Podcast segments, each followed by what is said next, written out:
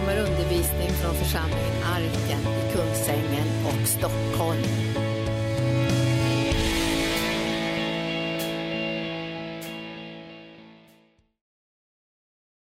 Ja, god afton, ni Herrens älskade. Att ge sig igång med Psaltaren 103 är, är ju ett, liksom ett långt projekt på något, på något vis, men vi tar och börjar lite grann.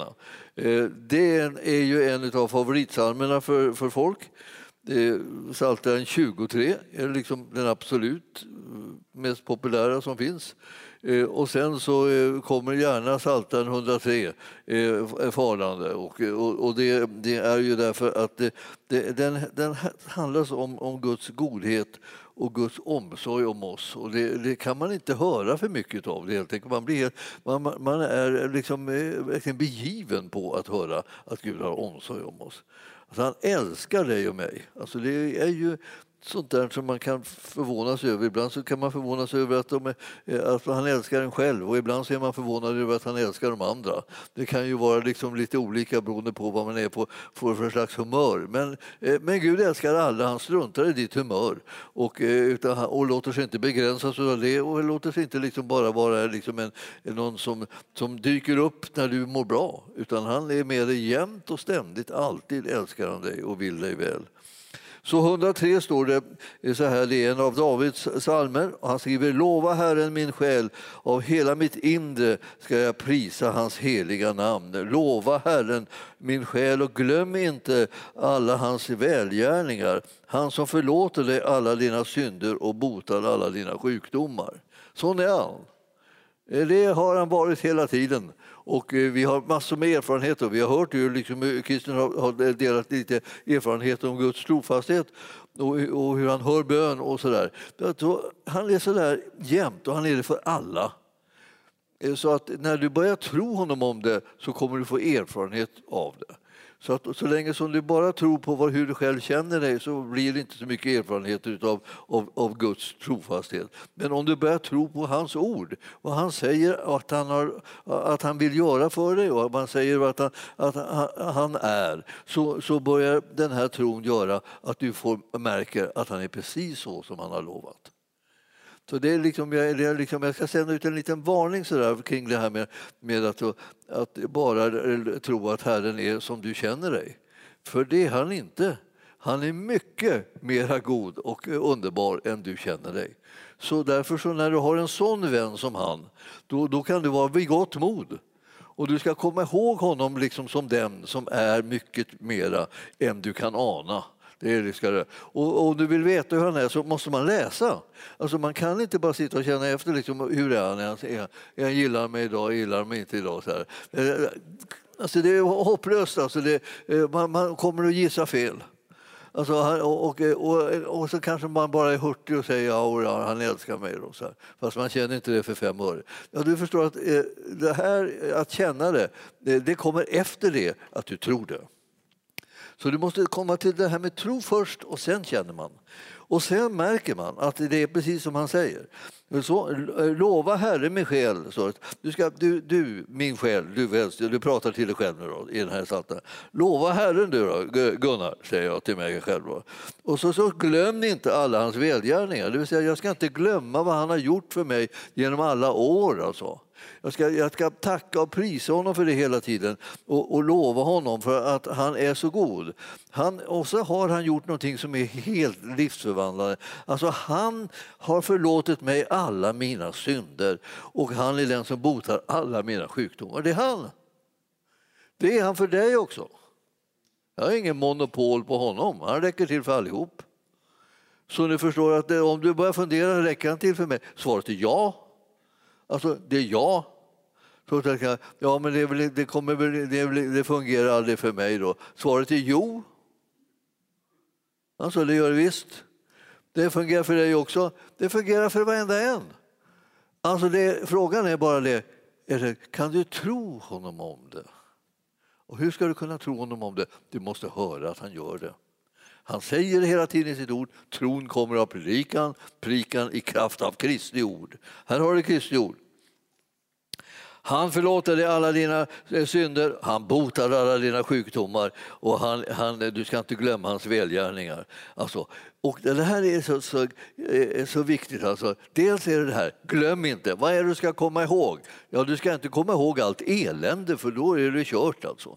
För då kommer du fastna i det. Du tänker, sitter och tänker ja, det, är så, det är så jättejobbigt det här och det är så jobbigt och det är jobbigt. Och det är jobbigt och, och, och ju mer du tänker på det desto jobbigare blir det. Så att om, du, om du nu tänker att hur ska jag kunna bli av med det här jobbiga, hur ska jag kunna komma ifrån det, hur ska jag kunna liksom bli fri av det här? Ja, då ska du börja tänka på någonting annat än på din jobbighet som du har i livet. Det är inte det du ska tänka på. Du ska tänka på Herrens godhet. Glöm inte hans godhet.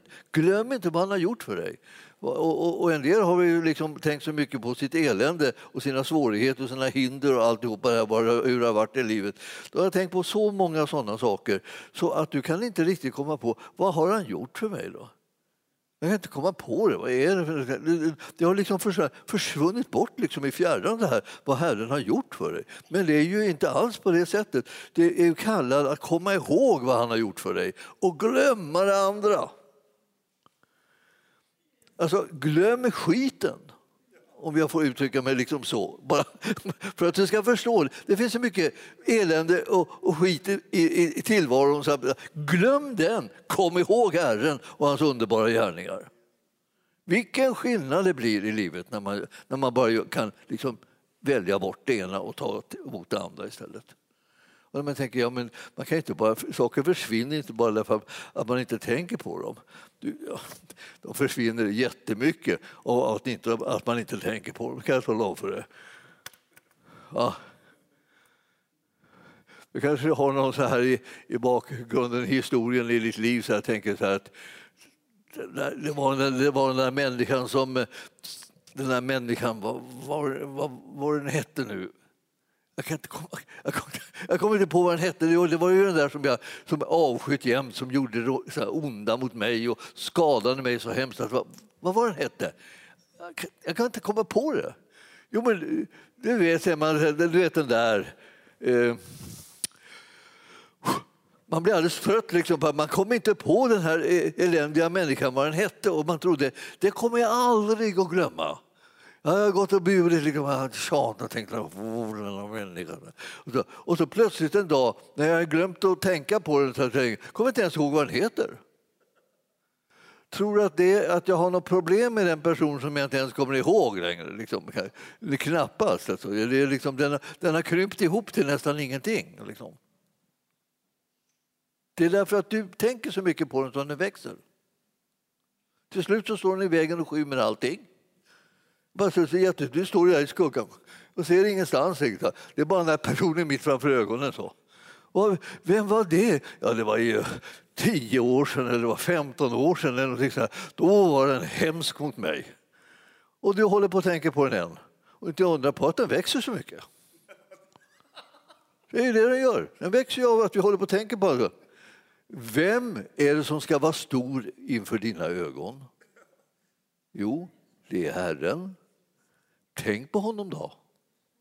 Då växer han inför dig. Alltså du får syn på honom mer och mer. Han, han växer inte bara så att säga på konstgjord väg utan det är så att du upptäcker vem han är ju mer du tänker på honom. Om du inte tänker på honom så verkar han liten. Som om han inte kunde göra någonting. Som om han inte kunde hjälpa dig med någonting. Bara en liten, liten, liten, liksom, liksom, liten gud som man kan ställa på hyllan. Liksom så. Ja, det är liksom en liten buddha-gubbe. Så, så sätter jag honom på hyllan där. Och sätter, ja, där har vi en liten, liten buddha. Va? Det enda han verkar ha kunnat göra i sitt liv verkar ha ätit. Han är liksom något svullen liksom så där. Det Men han är bara en liten plutt. Tänk inte för mycket på honom. Han gör ingen skillnad. Det är Herren som ska ha din uppmärksamhet. Då vidgas din syn på vem han är och han blir stor för dig. Och det är den Herre som är den sanna bilden. Alltså, en, Gud är stor, mäktig och underbar. Han har sänt sin son som är, så, som är kärleken själv. Och det där liksom gör att du och jag kan liksom ta oss an livet på ett helt annat sätt. Då är det, va? glöm inte vem Herren är. Tänk på rätt sak. Hör du det? Tänk på rätt sak. Ja. Vad säger du? Ja, be. Nu ska vi tänka på saker först.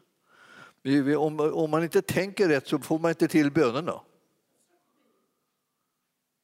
Tänka.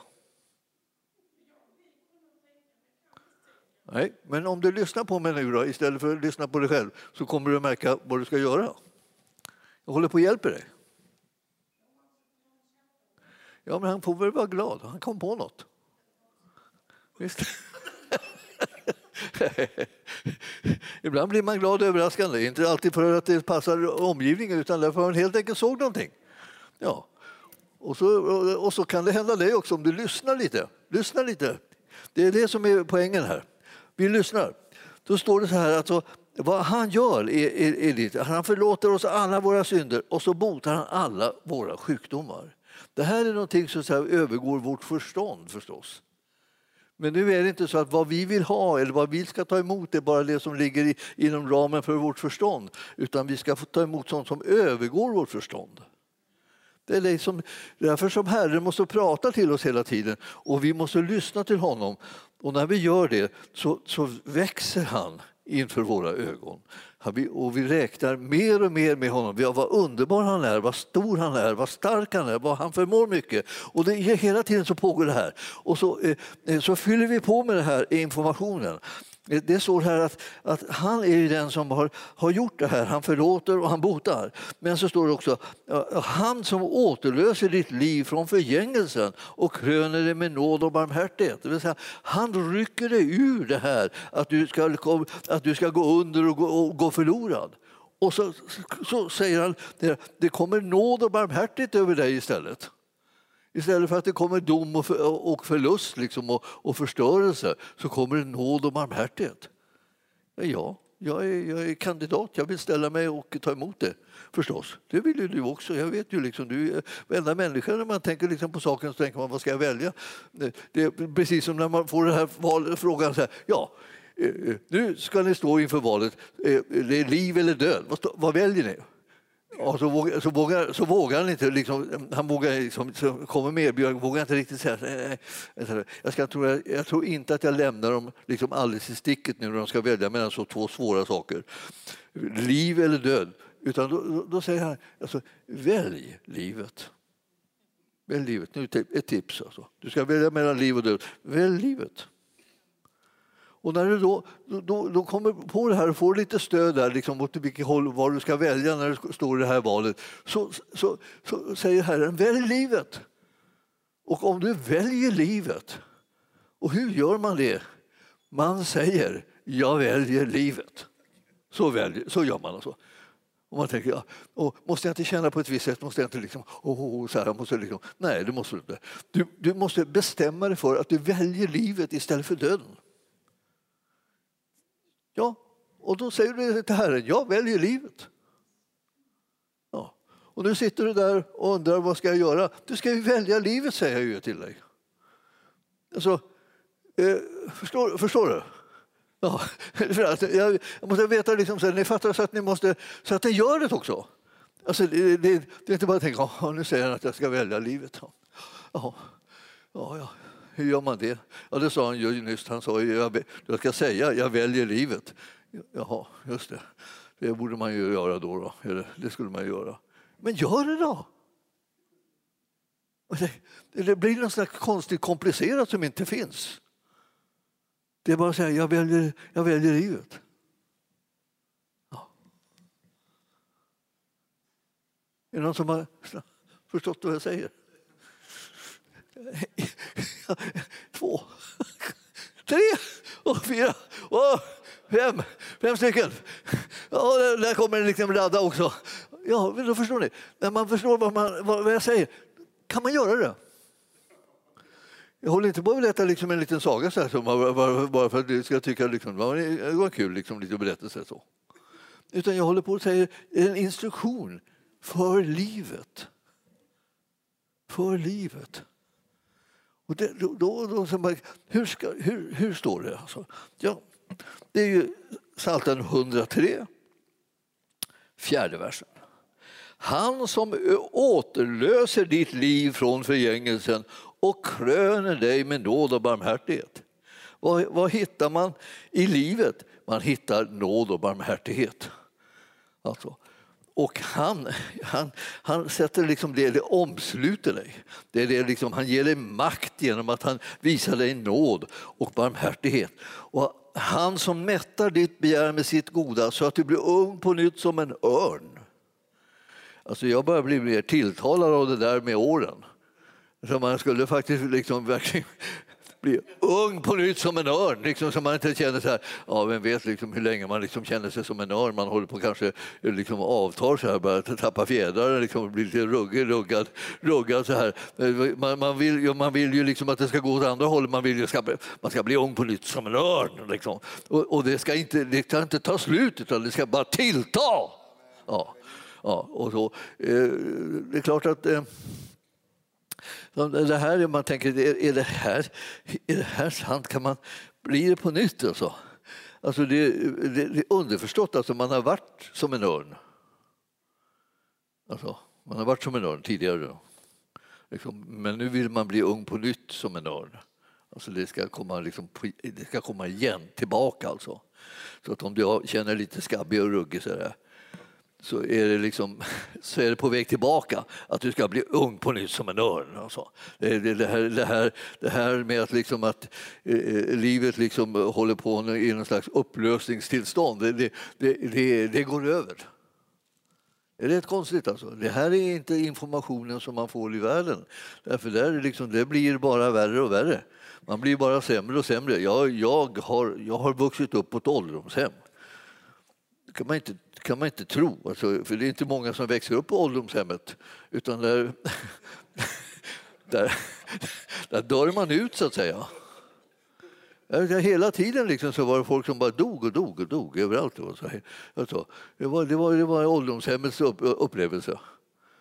Så, det var till och med så där, att det var så eh, jämmerligt. Det var, så, eh, det var nästan bara tanter på ålderdomshemmet. Det var bara de kvar, så att säga. Gubbarna dog ofta när de gick i pension. Då hade, ingen, då hade de inget att göra längre. Liksom. Livet liksom förlorade sin mening, så det gick ju jättesnabbt där. Men, de, men damerna då, de, de hade ju liksom olika saker som de hade lärt sig att ha i livet. Så det gjorde att det fortsatte, livet fortsatte. Och på ålderdomshemmet var det bara massor med laver. Ja, och en och annan gubbe. Vi hade en gubbe som hette Hjärtqvist. Han, han var en liten snäll farbror. Jag har bott där eh, flera år med oss.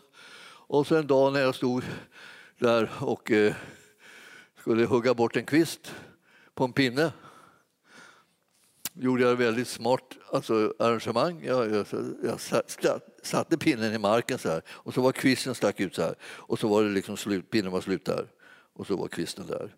Så satte jag det där fingret där på, uppe på så här och så tog jag kniven och så skulle jag hugga av den här kvisten. Och så högg jag bara tjong så här. Högg jag av fingret. Alltså, ja, topp, fingertoppen. Ja, syns fortfarande. Så, den hängde så här. Och sprang, sprang jag in då i, i ålderdomshemmet och letade efter, efter mamma. Då, så och, och så, jag högg fel. Ja, sa hon. Så, så satte hon tillbaka tippen så här. Så, så här. Och så håller du i den där nu så där. Så, och, eh, för jag kan inte komma till dig just nu utan du håller armen, du håller armen högt och så håller du i själva fingertippen så här. Och så kommer jag sen för det är så att farbror Hjärtqvist han håller på att dö. Och eh, eh, jag måste sköta om det nu först, så du, du får stå där. Så jag stod där i köket då, då och, och höll i det här, det rann blod så här, liksom hela tiden ner över armen. Så, här. så stod jag där och höll i den här fingertoppen. Så här. Ja, så, så han sa han, ja, om, det, om, det, om det blir för mycket blod så kan du bara sticka in fingret lite grann under, under kranen så, där, så sköljer du det och så, och så håller du upp den sen igen. Så. Ja, där stod jag. Jag tänkte, det här står jag och väntar på att farbror Hjärtqvist ska dö, tänkte jag. Det är, inte, det, det är liksom inte schysst. Jag har bara huggit av mig fingertoppen. Jag vill, jag vill inte att han ska dö. Men å andra sidan tycker jag det vore bra om mamma dök upp någon gång. Det här, rikta, det här inte, ser inte bra ut. Alltså. Så stod jag där med det där fingret. Alltså. Långt om länge så kom hon då upp och sa ja, nu, nu, har han gått, nu har han gått hem till Herren. Så, så. Får jag se på det där nu då? Ja, ja, min mamma hon var, hon var sjuksköterska, ska jag säga. Och, och, hon var liksom lite grann sådär Eh, hon tyckte inte saker var så allvarliga. Hon var, hon var van vid att se mycket allvarligare grejer. Så där stod jag bara med en liten fingertopp som hade liksom lossnat. Och så, så sa jag, jag sätter på ett plåster, det växer säkert dit, sa hon. Och så satte hon på ett plåster liksom och lindrade fast det där drog till så, här. Och så, så, så gick jag med den där. Jag tänkte, så, vad, vad, gjorde du egentligen? Så skulle jag berätta för henne hur dum jag varit. Alltså, satt fingret så där och skulle för hugga av en kvist. Det är ju hur dumt som helst. Ja. Men, men hon var inte så dum, för jag har fingertoppen kvar. Så, för den växte fast alltså. Jag hade, det var bara en liten, liten skinnslamsa som är på ena sidan som, som höll den liksom på plats. Men när hon tryckte lite igen så där, och den satt där så, så, så, så blev den så småningom fastväxt. Så där sitter den. Ja. Och man tänkte så här, vad, vad, vad, det här på ålderdomshemmet när man, när man levde så hade man liksom sån här, så här döden liksom grep in här och där liksom i livet. Och, och man måste, och, och, jag tänker ofta på det här så att jag, jag, jag, jag kunde jag kunde ibland inte riktigt klara av det här med, med liksom att, att de, folk dog hela tiden. Va? Liksom, och man kände dem och de dog. Och så kom de och så var de några, några, några år och sen dog de. Va? Och, eh, så att jag kände, vad, vad, är, vad, är, vad är det med döden? Ja, alltså döden är ju liksom fiende till livet. Och man måste, man måste, man måste välja livet med, med väldig kraft för att man ska kunna bli delaktig så att säga, av det eviga livet och inte liksom ha, få döden som någonting som då, då livet totalt går förlorat. Utan vi väljer livet med en sån eh, intensitet att vi, att vi inte längre blir offer för döden. Och vi börjar kunna säga det som står i ordet, alltså, vi ska aldrig dö. Ja, vi vet att vi ska lämna det här jordelivet, men vi ska inte dö på det sättet att vi kommer att lämna, lämna kontakten med Gud, utan vår kontakt med Gud kommer att vara i all evighet. Det är det eviga livet, det är det här att vi kommer aldrig någonsin att skilja ifrån från Gud. Även om det här, den här tiden här nere är begränsad. Det, det är ju alla människors livsvillkor. Men vi, vi ska leva och inte dö. Är det som är. Och hur ska man liksom kunna eh, säga, dra nytta av den informationen? Jo, man bekänner sig till jag väljer livet och inte döden. Jag ska leva och inte dö. Jag ska aldrig någonsin skiljas ifrån Gud. Lova Herren min själ och allt det mig är hans heliga namn. Alltså, alltså, det finns någon anledning att prisa Gud därför att vi har fått livet och inte döden. Han har, han har räddat oss så att vi slipper vara skilda från Gud i all evighet utan istället vara förenade med honom i all evighet. Det är vad vi vill. Det är vad vi väljer och det är vad vi tror på. Och det ju mer vi pratar om det, ju mer vi tänker på det, desto mer växer det här så starkt i vår. Så det är det som dominerar vårt liv och inte det där att, att det är frågan om att förlora. Förlora livet, förlora tiden, förlora liksom kraften, förlora glädjen, förlora allting. Nej, vi ska inte förlora någonting, vi ska vinna här. Jesus har redan vunnit, han har vunnit för vår skull och vi har livet. Och så, då när man läser en sån här psaltarpsalm så blir man så uppåt. Man kan ju känna att det, liksom det, att det, det, liksom, det tänder liksom i, i en så här. För vi är de som han kröner med nåd och barmhärtighet. Du förstår, hur, hur, hur, vad har man råd med när man har blivit krönt med nåd och barmhärtighet? Om man tänker igenom det. Vad har jag råd med? Vad kan jag tåla? Vad kan jag härda ut? Liksom? Vad kan jag övervinna? Vad, hur, kan jag, hur kan jag klara att bevara min glädje? Liksom? Hur kan jag behålla det? Eftersom det här, va, låt inte djävulen stjäla din glädje. Han har ju inte en chans på den som har valt livet. Han kan ju, han kan ju, han, han kan ju slita kring det här så att han blir helt matt. Alltså. Han får ändå inte möjlighet att ta ifrån en glädjen. Därför glädjen är, ligger någonting i det här med livet. Och, eh, och eh, Herren har satt igång och, och talat om för oss vad han vill göra, vad han vill ge till oss och hur han vill handskas med våra liv. Och han säger att när ni får tag i det, då, då blir det glädje fullkomlig.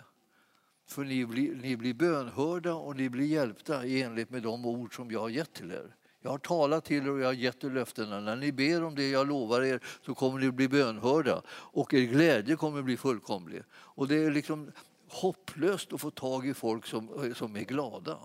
Alltså de, man, man, kan säga att de, de, låter sig inte, de, de deppar inte ihop sig lätt de som redan har förberett sig liksom på något sätt genom att prata väldigt mycket negativt om liksom hur, hur, hur eländigt det är så är de ju nästan gjort sig själva till mottagare av mera elände. Det är liksom ingen gräns för det här. Men istället så för att låta eländet få något utrymme så låter man glädjen få utrymme och, och Guds löften få utrymme och Guds kraft få utrymme och Guds godhet få utrymme och låter honom kröna en med nåd och barmhärtighet. Och så mättar han ditt begär med sitt goda så du blir ung på nytt som en örn. Så nu, nu när jag pratar om det här va, så håller jag på att bli mer och mer en örn. alltså ni förstår, jag, jag, jag kallar på det när jag talar om det. Därför att jag tror på det och jag tror på det, jag drar in, drar in det här. Och de här eventuella liksom, vingfjädrarna som har, liksom, har trillat av, alltså, det växer ut nya. Alltså, det, det, är ju, det är ju det som är så finessen med örnar. De ruggar och så får de, en, så får de nya vingfjädrar som örnarna och det är det vi ska ha. Nya vingfjädrar som örnarna. Så livet liksom återvänder. Kraften återvänder, möjligheterna, öppningarna återvänder. Det är det som Herren ger oss. där. Och ju mer vi tänker på det där, desto mer så retar vi på oss och så tänker vi halleluja, vilken Gud jag har, vilken mäktig Gud jag har. Ja, man kommer på alla möjliga sånger också. Små kampsånger. Och Därför att man, man proklamerar liksom någonting som, som egentligen känns... Kan man känna så här, ja men känner jag mig verkligen sån? Ja, det hör inte hit.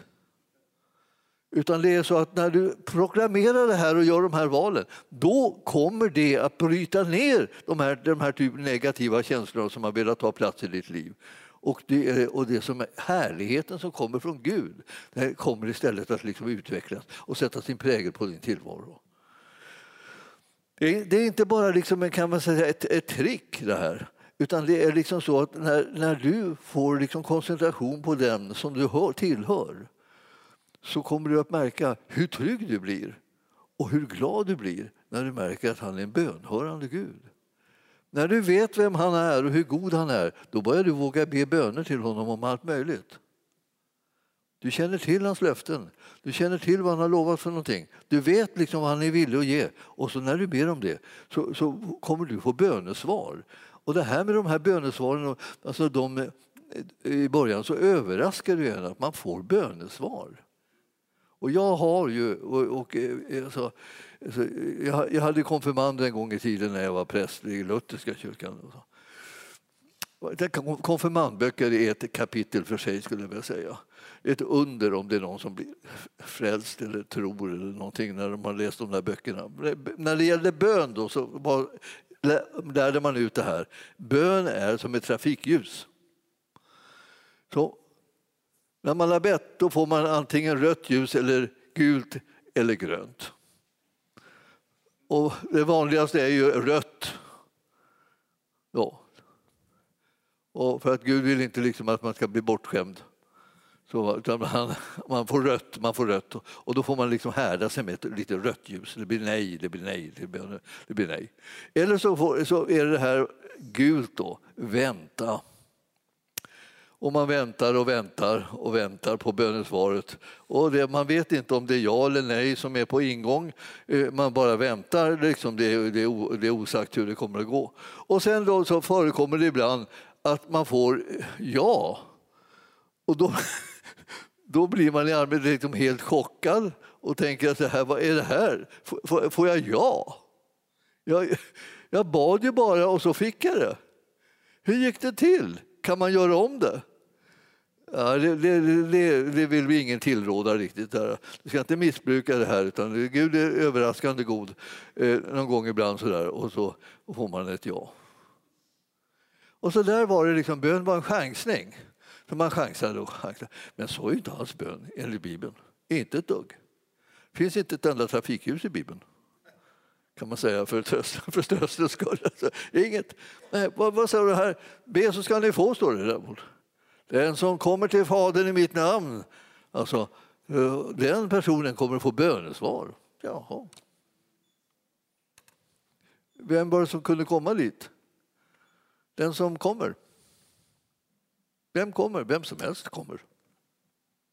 Vem som helst som tror på, tror på Jesus kommer i hans namn och ber får, får bönesvar. Och jag, ju, ju, mer, ju mer man säger det där, desto mer förvånad blir man över att man säger det. Det verkar så väldigt gratis på något vis. Alltså den som kommer och har skärpt sig eh, skulle man, skulle man tänka sig. Det kan hända att det är villkoret i alla fall. Det är, han säger ingenting, men det är villkoret är skärp dig. Alltså, annars får du inget bönesvar.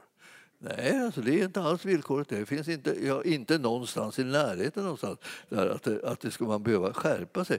Utan det, man kommer i tro. I Jesu namn. Och så ber man Fadern om vad man, vad man vill. Och så ger han det. Ja det här, det här, nu, nu börjar vi, vi kommer vi nära det kapitlet, liksom, att Gud verkar vara för god. Alltså han är för god, det här går för långt. Släpper fram alla möjliga liksom, folk. Vem vet vad folk ber om då? Har vi ingen kontrollant någonstans som står någonstans och säger det, det, det, där, nej, det där kan du inte be om, det, där, det, nej, nej, det går inte, och inte det och, och inte det där. Och det där, ja, det är osäkert. Liksom, det, det, är vissa, vissa saker som du bara får be om. Då. Men, men så, så står det inte heller. Alltså.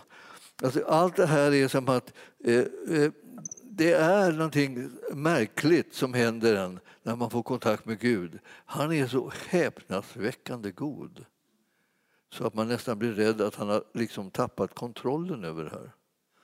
Och, och, så börjar man själv hjälpa honom med att liksom begränsa hans godhet och eh, hans löften lite grann och tänka så här, nej, nej, nej, nu går vi för långt igen. Och så försöker man backa upp det där. Alltså. Och I Johannes då, så står det en del av de där märkliga grejerna när det gäller bönesvar. Jag har varit inne på det där lite grann. Vi har ju sagt att det och i, i 16 och 16 mellan 16 och 24, eller 24, 25, 24. 16 24, där har vi det. Hittills har ni inte bett om, mig, eh, om, no, eh, bett om något i mitt namn, säger Jesus då. Be och ni ska få för att er glädje ska vara fullkomlig.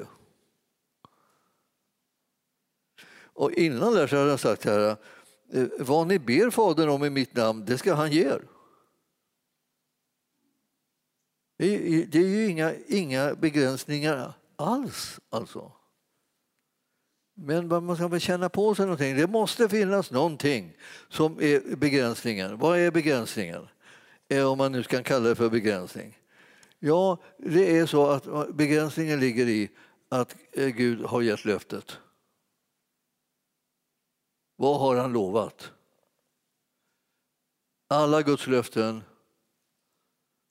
som han har gett alltså, har Jesus Kristus fått sitt ja och amen. Känner ni till det? Det är ett jätteviktigt ord alltså. Alla Guds löften. Då vet jag, vilka löften är det då? Hela boken är full. Vad kan du behöva? Ja, alltså, om, du, om, du, om du ser liksom på vad han vet och vad han vet om vad du behöver liksom, så vet han om vad du behöver mer än vad du själv vet. Han, han, han är en expert på dig. Så att när du kommer där med dina böner så liksom försöker du liksom bedja eh, så mycket som möjligt sånt som du behöver. Och så han vet mycket bättre än du vad du egentligen behöver. Så han ger dig det och allt det där andra också som du behöver. Alltså han, är, han är fenomenal på liksom att veta vad man behöver. Om jag, om jag hade vetat att jag behövde det hade jag bett om det, kan man säga ibland. Jag, jag, jag fick det jag bad om, men så fick jag allt det här, så fick jag det där också. Och jag ser ju det, det var ju precis det jag behövde. Och om Herren liksom på det här sättet känner dig och mig så kommer liksom hans verk in i våra liv bli alltså allt djupare, allt starkare och vi kommer bli allt frimodigare. Och vi kommer känna oss allt tryggare i det här att Gud han är för oss och med oss. Han är inte mot oss. Han är inte den som lägger upp hinderbana liksom i livet. Så här, liksom. Svårigheterna bara ökar och ökar. Till slut så hänger man där liksom och har mjölksyra i hela kroppen liksom och kommer ingenstans därför att, för att det var alldeles för svår löpning. Liksom. Nej, han, han, är den som banar vägen för oss. Han till och med säger jag, gör, liksom, jag förbereder ett liv och eh, banar väg så att ni kan komma in i det som är min vilja. Utan vidare, jag skänker er den vägen. Ja, man tänker, är det här liksom... Det här är inte riktigt vad, man sa till mig när jag, när jag var liten. Alltså. Jag hörde, jag satt i kyrkan och lyssnade på liksom, olika utläggningar av Guds ordet och så här. Vet att det, det, ja, det, det, var inte, det var inte så här liksom, som väldigt härligt som det egentligen står. Alltså. Det är så härligt när man läser det här. Därför som jag vill säga här. Om, om, du, om du inte läser din bibel så kommer du vara övergiven till att bara tänka dina egna tankar och fundera över dina egna känslor och dina egna omständigheter och dina egna svårigheter och alla människors liksom ovilja att hjälpa dig och stå i vägen och hindra dig och begränsa dig. Allting sånt där kommer du tänka på runt, runt, runt, runt, runt, runt, runt. Men om du läser din bibel kan du börja tänka på Guds utvägar, lösningar hans hjälp, hans kraft, hans nåd, hans härlighet, hans barmhärtighet mot dig. Alltså hans kärlek till dig. Och vi behöver tänka på det jämt. Alltså vi, vi står inte ut att inte tänka på att Gud älskar oss. Om vi inte tänker på det så, liksom, så, så vissnar vi ihop. Liksom. Det är som att eh, Guds kärlek är liksom vår livsförutsättning. Han älskar dig och mig. Så alltså, det, är, det är så sant. Det han älskar oss. Alltså. Det är så bra så man, man, kan, man har rätt att bli lite glad ibland av det. Det här, det, det här är alltså, hur handlar Herren med oss? Jag står att han, han handlar rättfärdigt och han skaffar rätt åt alla förtryckta. Så om du är en förtryckt så kommer Herren skaffa dig rätt. Han kommer liksom att skipa rätt. Han kommer att se till att det här förtrycket av dig upphör och att du får möjlighet att komma åt det livet som han har gett dig och som han har förberett för dig och det är ditt. Och ingen ska ta det ifrån dig. Herren skipar rätt för din räkning. Det är vad han säger att han ska göra här. Herren handlar rättfärdigt och han skaffar rätt åt alla förtryckta. Alla det inräknar dig när du är i de lägen att du är förtryckt. Du kanske är kan vara så van vid också att vara förtryckt så att du inte, inte tänker på det längre att du är det. Men om du tänker att Herren skulle hjälpa dig då med det där då, då, då, då kanske du skulle kunna uppleva att det blir en väldig skillnad. Han löser dig från det. Han liksom banar väg så att du inte längre sitter fast i det här, eh, det här, det här förtrycket som blir. Där, där, där ditt liv liksom har blivit begränsat och kontrollerat på ett orättfärdigt sätt. Då står det så här att det, det händer så här med, med människor som, som eh, har gemenskap med Gud att de får klart för sig vad han håller på med.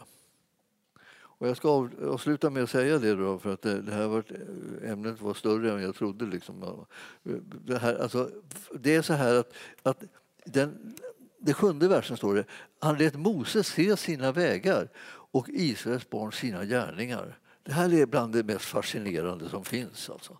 Tänk att få se, få se Herrens vägar. Det vill säga man ser var de går någonstans. Och vad ska man se dem för? Jo, därför att han menar att, att man ska gå på dem. Så att när du ser vad Herren gör och vad han håller på med någonting, då går du med honom in i det. Alltså du gör sällskap med Herren på hans vägar. Och, när, när, när, eh, och Israels barn de såg hans gärningar så de kände igen vad det var som var Guds gärningar.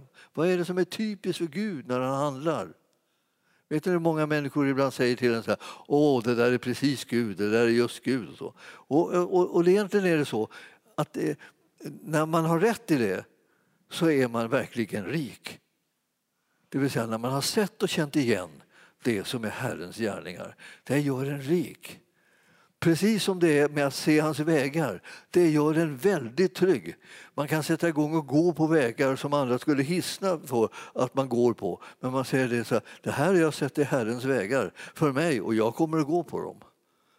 Och då när jag går på dem så är det många som inte alls förstår vad jag håller på med liksom, och tycker att jag, jag överdriver. Jag, det, här, det är inte alls på det sättet. Och jag, jag vet att det är det. Och när jag har rätt i den här övertygelsen, den tron att det här är Herrens vägar, ja, då går de här vägarna att gå på. De håller alltså. Så att jag kommer, in, jag kommer att nå de här målen som, eh, som, är, som är vägens liksom ände på det viset. Man kommer dit fram, dit Herren vill leda en. Därför har han visat, sig, visat sina vägar. Och man kommer liksom att behöva de gärningar som Herren har gjort och därför så visar han dem och då tar vi emot dem. Och då rustas vi för det vi ska göra i livet för Herren och med honom. Jag känner bara det som att det här är ju så härligt och så man, man tänker att mera, mera, mera. Man vill höra varenda, liksom så här. Och varenda vers här alltså, är så här som en, som en, liksom en, en glädjekälla hela vägen igenom här, i, det, i, det här, i det här eh, kapitlet, alltså, eller salmen. Alltså Psaltaren 103 är det jag som jag vill rekommendera varmt till er att läsa sakta. Sakta, och så tänker ni på vad handlar det om? Vad menar han? Vad vill han med mig? Vad vill han att jag ska veta? Vad vill han att jag ska veta om honom? Vad vill han att jag ska veta om mig själv? Vad vill, vad vill han liksom visa mig för väg som jag ska gå på? Vad är det för utrustning som han vill ge mig? Och så vidare. Allt det står här. Så. Står här. Ja, tack Jesus. Ja, herre, vi tackar för psalmen 103. Bland de underbaraste psalmer som vi stöter på. Eh, vi, vi, vi, kanske är det därför att vi just förstår en del av det när, när du talar här. Vi ber Herre att du ska öppna våra ögon och våra hjärtan så att vi till fullo förstår det som är din mening med våra liv så att vi kan vandra på de vägarna som du har tänkt ut och ta emot den utrustning som du har gett oss. Tack Herre för att vi ska få kunna förhärliga ditt namn och för att få, Eh, för att vår glädje också ska kunna bli fullkomlig. Eh, det är en sån förmån att få lära känna dig, Herre. Och vi bara längtar efter att komma djupare och djupare in i gemenskap med dig. Tack Herre för att vi ska förhärliga ditt namn också genom att vara de människor som du har kallat oss att vara och göra de gärningar som du har förberett att vi ska göra. I Jesu namn. Och församlingen sa Halleluja.